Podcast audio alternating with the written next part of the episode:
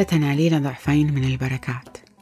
يقول الرب إلهكم واسوا واسوا شعبي طيبوا طيبوا خاطر أورشليم وبلغوها أن أيام محنتها قد انتهت وإثمها قد غفر وتلقت من يد الرب ضعفين عن جميع ما ارتكبته من خطايا. صوت يصرخ ويقول أعدوا في البرية طريق الرب وأقيموا طريقا مستقيما لإلهنا كل واد يرتفع وكل تل ينخفض وتمهد كل أرض معوجة وتعبد كل بقعة وعرة ويتجلى مجد الله فيشاهده كل ذي جسد لأن فم الرب قد تكلم. روح السيد الرب علي لأن الرب مسحني لأبشر المساكين. أرسلني لأضم الجراح المنكسري القلوب لأنادي للمسبيين بالعتق وللمأسورين بالحرية لأعلن سنة الرب المقبولة ويوم انتقام لإلهنا.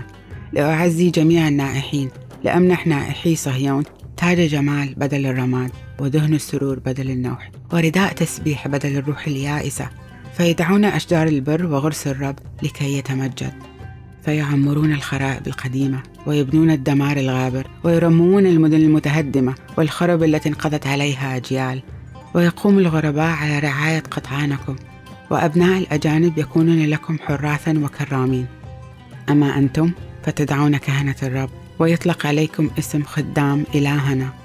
فتأكلون ثروة الأمم وتتعظمون بغنائمهم. وعوضا عن عاركم تنالون ضعفين من الميراث. وعوضا عن الذل تبتهجون بنصيبكم. لهذا تملكون في أرضكم نصيبين.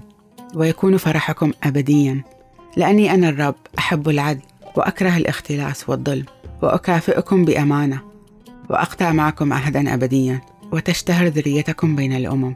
ونسلكم وسط الشعوب وكل من يراهم يعرفهم ويقر إنهم شعب باركه الرب. انظروا ها أنا أنجز امرا جديدا. ينشئ الآن. ألا تعرفونه اشق في البرية طريقا وفي الصحراء انهارا.